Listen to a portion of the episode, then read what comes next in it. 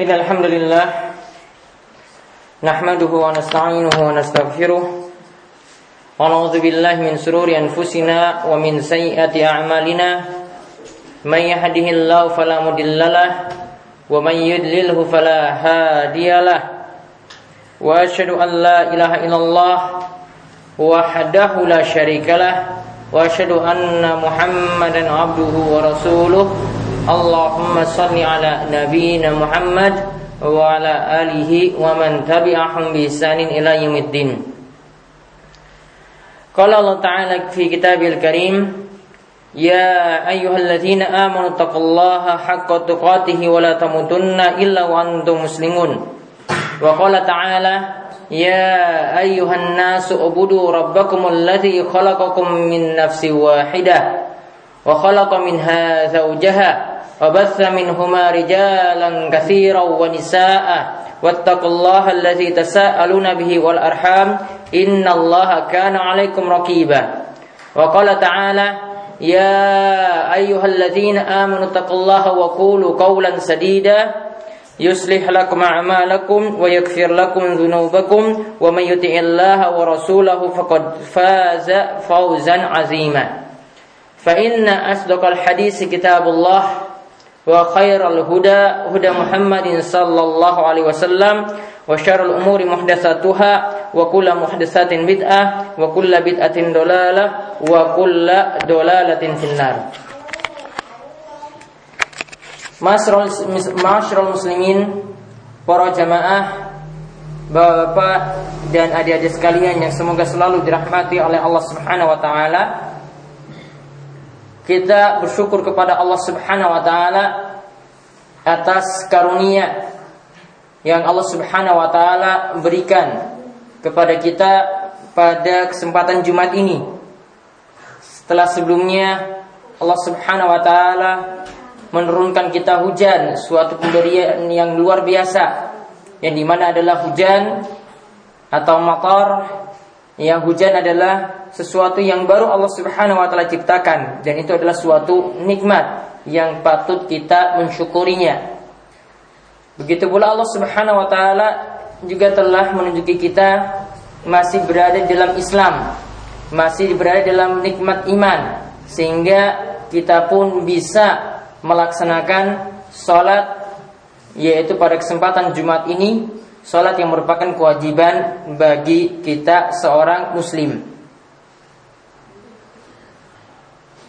Masyaallah muslimin rahimani wa rahimakumullah. Kemudian salawat dan salam juga senantiasa kita panjatkan kepada junjungan kita Nabi Nabi besar Nabi Agung Muhammad sallallahu alaihi wasallam begitu juga dengan para sahabatnya, begitu juga dengan ya para istri beliau dan orang-orang yang mengikuti jejak beliau hingga akhir zaman nanti. Masyaallah muslimin rahimani wa rahimakumullah. Sebagaimana dikatakan dalam awal khutbah bahwasanya Islam itu adalah nikmat yang terbesar bagi seorang hamba Sampai-sampai Nabi kita Muhammad Sallallahu Alaihi Wasallam itu mengatakan bahwasanya sungguh beruntung orang yang berada atau telah memeluk agama Islam. Nabi SAW itu bersabda, hadis ini disebutkan oleh Ibnu Majah dalam kitab sunannya, Qad aflaha man hudiya fil Islam wa ruziqal kafafa wa qana'a bihi. Nabi SAW itu bersabda, sungguh beruntung yaitu orang yang punya tiga sifat yaitu telah ditunjuki dalam Islam telah memeluk Islam kemudian yang kedua telah diberikan rizki yang cukup dan yang ketiga dia diberikan sifat kona'ah yaitu merasa cukup dengan rizki yang Allah subhanahu wa ta'ala telah anugerahkan kepada dirinya maka setiap orang yang telah memeluk Islam setiap orang yang telah diberi rizki oleh Allah Subhanahu wa taala. Rizki yang cukup dan dia merasa cukup ridha dengan rizki yang Allah Subhanahu wa taala berikan, maka sungguh dia telah mendapatkan keberuntungan yang besar. Dia telah mendapatkan ya keberuntungan yang besar.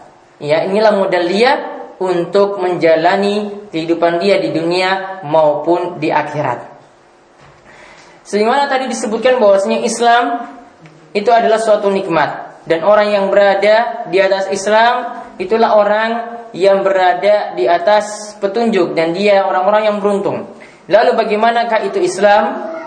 Islam sebagaimana dijelaskan oleh para ulama yang namanya Islam jika seseorang itu beribadah kepada Allah Subhanahu wa taala semata dan dia meninggalkan berbagai macam kesyirikan. Yang namanya Islam itu adalah seseorang beribadah kepada Allah Subhanahu wa taala saja ya dan dia meninggalkan berbagai macam syirik. Itulah yang namanya Islam. Islam dia harus menunaikan hak Allah Subhanahu wa taala yaitu mentauhidkan Allah, beribadah kepada Allah saja dan dia juga harus meninggalkan dosa yang paling besar yaitu dosa kesyirikan. Di tengah-tengah kita masih terus laris berbagai macam ritual-ritual syirik ya dianggap sebagai tradisi, dianggap sebagai budaya. Namun kalau seseorang sudah memeluk agama Islam, maka dia hanya boleh menaruh pilihan pada ajaran Islam saja, tidak boleh dia melakukan ajaran selain apa yang telah ditunjukkan oleh Allah dan apa yang ditunjukkan oleh Nabi Muhammad Sallallahu Alaihi Wasallam. Islam Tadi sudah dikatakan bahwasanya Islam mengajarkan supaya kita meninggalkan berbagai macam kesyirikan. Inilah hak terbesar yang harus ditunaikan oleh setiap hamba. Hak terbesar dari Allah yang wajib ditunaikan oleh seorang muslim.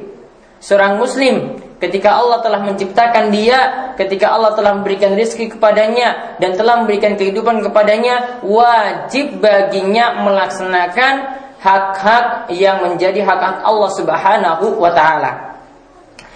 Apa yang menjadi hak Allah tadi? Yaitu sudah dikatakan bahwasanya hak Allah adalah seseorang itu mentauhidkan Allah dan menjauhi kesyirikan. Nah, kita dapat melihat tentang hal ini dalam hadis Muaz bin Jabal radhiyallahu anhu yang disebutkan di dalam kitab Sahih Bukhari dan Muslim. Hadis ini disebutkan dalam kitab Sahih Bukhari dan Muslim. Di mana dari Muaz bin Jabal ia berkata, "Kuntu radifan Nabi sallallahu alaihi wasallam ala himarin." Aku dahulu pernah dibonceng oleh Nabi sallallahu alaihi wasallam. Aku pernah berada. Adik-adik, tolong diam. Perhatikan khutbah Jumat. Rayanto gemerah. Jumatnya sia-sia. Yaitu dikatakan oleh Muaz bin Jabal, aku dahulu pernah dibonceng oleh Nabi Shallallahu Alaihi Wasallam di belakang seekor keledai. Ya, di belakang seekor keledai hewan tunggangan. Jadi Muaz bin Jabal itu dibonceng oleh Nabi SAW di belakang Nabi Shallallahu Alaihi Wasallam di atas kendaraan tersebut. Ini menunjukkan bagaimanakah mulianya Muaz bin Jabal di mata Nabi kita Muhammad sallallahu alaihi wasallam. Kemudian Nabi SAW itu mengatakan kepada Muaz, "Ya Muaz, atadri ma haqqallahi 'alal ibad wa ma haqqul ibadi 'ala Allah?" Wahai Muaz, yaitu wahai Muaz bin Jabal, tahukah engkau apa yang menjadi hak Allah yang wajib ditunaikan oleh hamba. Apa yang menjadi hak Allah yang wajib ditunaikan oleh hamba. Kemudian Nabi katakan juga dan apa yang menjadi hak hamba yang nanti Allah itu tunaikan. Apa yang menjadi hak hamba yang nanti Allah itu tunaikan. Kemudian Muaz itu menjawab Allahu wa rasuluhu a'lam. Allah dan Rasulnya itu yang lebih tahu. Jadi kalau para sahabat itu tidak tahu dalam suatu masalah agama, mereka itu diam.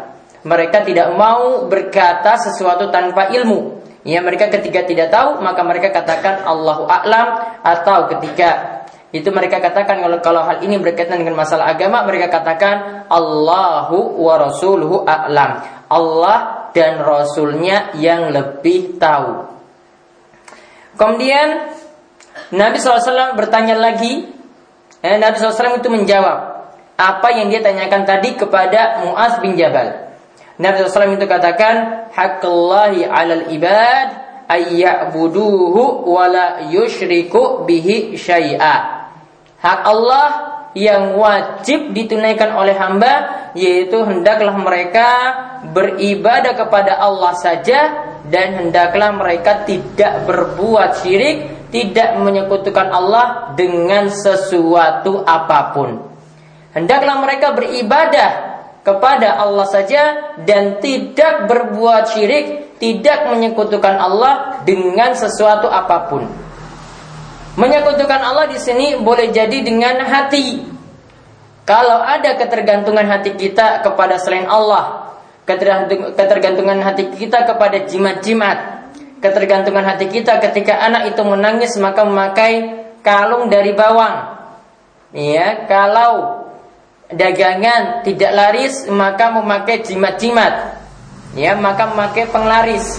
Datang ke dukun tanya kepada Pak dukun memakai penglaris. Maka ini ada ketergantungan hati kepada jimat tersebut. Ini termasuk perbuatan syirik begitu juga syirik bisa dalam bentuk ucapan ya seperti seseorang yang bersumpah dengan nama selain Allah Misalnya dia bersumpah ya war, wa Ka'bah demi Ka'bah ya atau wajin yaitu demi jin ini dan seterusnya. Memakai nama-nama selain Allah Subhanahu wa taala dalam rangka mengagungkan makhluk selain Allah Subhanahu wa taala. Ini juga tergolong syirik. Begitu juga ketika seseorang ya melakukan amalan juga. Amalan ini ditujukan kepada selain Allah. Seperti menyajikan sesajen, seperti menyajikan tumbal, seperti menyajikan kepala sapi, menyajikan kerbau, ya kepala kebo kepada selain Allah, kepada jin, atau kepada penguasa laut, maka ini juga termasuk kesyirikan. Nabi SAW itu mengatakan, La'anallahu man zabaha li. Allah itu melaknat orang yang melakukan penyembelihan kepada selain Allah. Allah itu melaknat orang yang melakukan penyembelihan kepada selain Allah Subhanahu wa taala. Jadi yang menjadi kewajiban hamba yang harus ditunaikan adalah mereka beribadah kepada Allah saja setiap ibadah, baik ibadah hati, baik ibadah lisan, ya baik ibadah dalam ucapan, baik ibadah yang berbentuk amalan anggota badan itu semuanya ditujukan hanya untuk Allah Subhanahu wa taala saja. Kemudian Nabi SAW itu mengatakan lagi wahakul ibadi Allah alla yu'adziba man la yushriku bihi syai'a dan hak hamba yang nanti Allah tunaikan Ya ketika hamba itu melaksanakan hal ini nanti Allah tunaikan yaitu ketika mereka tidak berbuat syirik kepada Allah, mereka mentauhidkan Allah, maka Allah akan Allah yu'aziba man la yusyriku bi syai'a. Allah tidak akan menyiksa orang yang tidak berbuat syirik kepada Allah. Allah tidak akan menyiksa orang yang tidak berbuat syirik kepada Allah Subhanahu wa taala. Maka para jamaah sekalian ini menunjukkan besarnya pahala dan besarnya ganjaran dan keutamaan orang yang benar-benar beribadah kepada Allah saja dan meninggalkan kesyirikan, maka nanti Allah tidak akan menyiksa dia. Dia akan selamat dari siksa neraka. Dia tidak akan kekal dalam neraka karena mendapati rahmat Allah Subhanahu wa taala lepas dari siksa tersebut. Sebaliknya, orang yang terus-menerus berbuat kesyirikan, maka dia akan mendapatkan siksa dari Allah Subhanahu wa taala karena dia telah melanggar hak Allah yaitu seorang harus beribadah kepada Allah dan tidak berbuat syirik. Masyaallah muslimin, ini sebagian dari hadis Muaz bin Jabal dan nanti insya Allah kita akan lanjutkan pada khutbah kedua. Wabillahi taufiq hidayah. kita mohon kepada Allah Subhanahu wa taala semoga Allah mengampuni dosa kita dan dosa-dosa kaum muslimin.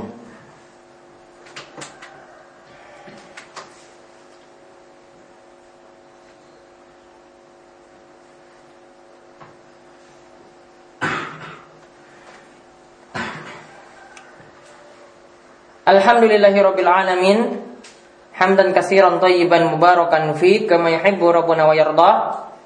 Wa asyhadu an la ilaha illallah wahdahu la syarikalah wa asyhadu anna Muhammadan abduhu wa rasuluh. Allahumma salli ala nabiyyina Muhammad wa ala alihi wa man tabi'ahum bi ihsanin ila yaumiddin. Para jemaah sekalian, kemudian kita melihat Perkataan Muaz bin Jabal selanjutnya setelah dia mendengar Nabi SAW itu mengatakan mengenai kewajiban yang harus dilakukan oleh seorang muslim dan apa nanti balasannya ketika seorang muslim itu melakukan kewajiban tersebut. Kemudian Muaz itu mengatakan kepada Rasulullah sallallahu alaihi wasallam, "Ya Rasulullah, afala ubashirun nas? Apakah boleh aku mengabari kabar gembira tadi?" yaitu kalau orang tidak berbuat syirik maka dia tidak akan disiksa. Kalau seorang tidak berbuat syirik maka dia tidak akan disiksa. Kemudian Nabi SAW itu mengatakan la tubashirhum fayattakilu. Jangan engkau kabari kepada orang-orang tentang perihal ini, tentang kabar gembira ini, nanti malam mereka bergantung dengan hal tersebut. Maka di sini maksud Nabi Shallallahu Alaihi Ya, hendaklah Muaz bin Jabal tidak menyampaikan keutamaan tadi. Orang yang tidak berbuat syirik itu tidak akan disiksa kepada orang-orang yang jahil, kepada orang-orang yang bodoh. Yaitu kepada orang-orang yang cuma bergantung pada rahmat Allah saja. Yang penting kita kan tidak berbuat syirik. Kita lakukan maksiat-maksiat yang lainnya yang diperbolehkan. Yang penting kan selamat dari syirik. Ya, maka Nabi SAW katakan jangan beritahu orang lain. Jangan beritahu sahabat yang lainnya karena nanti mereka bergantung dengan hal tersebut. Namun setelah beberapa waktu sebelum Muaz bin Jabal itu meninggal dunia, Muaz bin Jabal itu tetap menyampaikan hadis ini kepada orang lain. Ya, karena beliau menganggap ya ketika itu ada maslahat atau ada manfaat untuk disampaikan. Ya, namun ketika di awal-awal hadis ini disampaikan, Muaz tidak menyampaikannya pada orang lain, beliau menyembunyikan ilmu. Jadi menyembunyikan ilmu kalau ada maslahat, kalau ada kebaikan, kalau ada manfaat itu masih diperbolehkan. Namun kalau kita menyampaikan ilmu ini orang-orang malah nanti ya maksiat ya yang penting kan tidak berbuat syirik yang penting kan tidak pakai sesajen yang penting kan tidak pakai jimat maka pasti kita akan selamat kalau memang kita ketemu dengan orang-orang seperti ini, maka kita sampaikan bahwasanya tidak cukup kita meninggalkan kesyirikan, tetapi juga kita harus melakukan amalan-amalan ketaatan dan menjauhi berbagai macam maksiat. Itulah sifat yang terpuji sebagaimana Allah memuji Nabi Ibrahim alaihissalam. Beliau yaitu Allah katakan, "Inna Ibrahima kana ummatan qanitan lillahi hanifan wa lam yakun minal musyrikin." Yaitu sesungguhnya Ibrahim dia adalah pemimpin dan menjadi suri teladan yang baik. Qanita lillahi hanifa, dia itu taat kepada Allah. Yaitu maksudnya taat kepada Allah adalah terus-menerus taat, tidak berbuat maksiat. Walam yakum minal musyrikin dan Nabi Ibrahim tidak termasuk orang-orang yang berbuat syirik maka kita mohon kepada Allah Subhanahu wa taala semoga Allah Subhanahu wa taala senantiasa menunjuki kita supaya kita dapat beribadah kepada Allah saja semoga Allah Subhanahu wa taala menunjuki kita untuk menjauhi berbagai macam kesyirikan dan mudah-mudahan kita termasuk di antara hamba-hamba Allah yang bisa menaikkan hak Allah sehingga kita bebas selamat dari siksaan dari Allah Subhanahu wa taala. Marilah kaum muslimin di hari Jumat yang penuh berbarokah ini kita berdoa kepada Allah Subhanahu wa taala dan mudah-mudahan Allah Subhanahu wa taala itu senantiasa memperkenankan doa-doa kita. Allahumma fir lil muslimina wal muslimat wal mu'minina wal mu'minat al ahya'i minhum wal amwat innaka sami'un qaribun mujibud da'wat اللهم اقسم لنا من خشيتك ما تحول به بيننا وبين معصيتك wa min ta'atika ma tuballighuna bihi jannatak. Wa min al-yaqini ma tuhawwinu bihi alaina masa'ibad dunya. Allahumma matti'na bi asma'ina wa absarina wa quwwatina ma ahyaitana waj'alhu warisa minna waj'al sa'rana ala man zalamana wansurna ala man adana wa la taj'al musibatana fi dinina wa la taj'al ad-dunya akbar hammina wa la mablagha ilmina wa la tusal tusallit alaina man la yarhamuna. Rabbana hab lana min azwajina wa dhurriyyatina qurrata a'yun waj'alna lil muttaqina imama. Rabbana atina fid dunya hasanah wa fil akhirati hasanah wa qina adzabannar. Wa sallallahu ala nabiyyina Muhammadin wa ala alihi wa sahbihi ajma'in. Walhamdulillahi rabbil alamin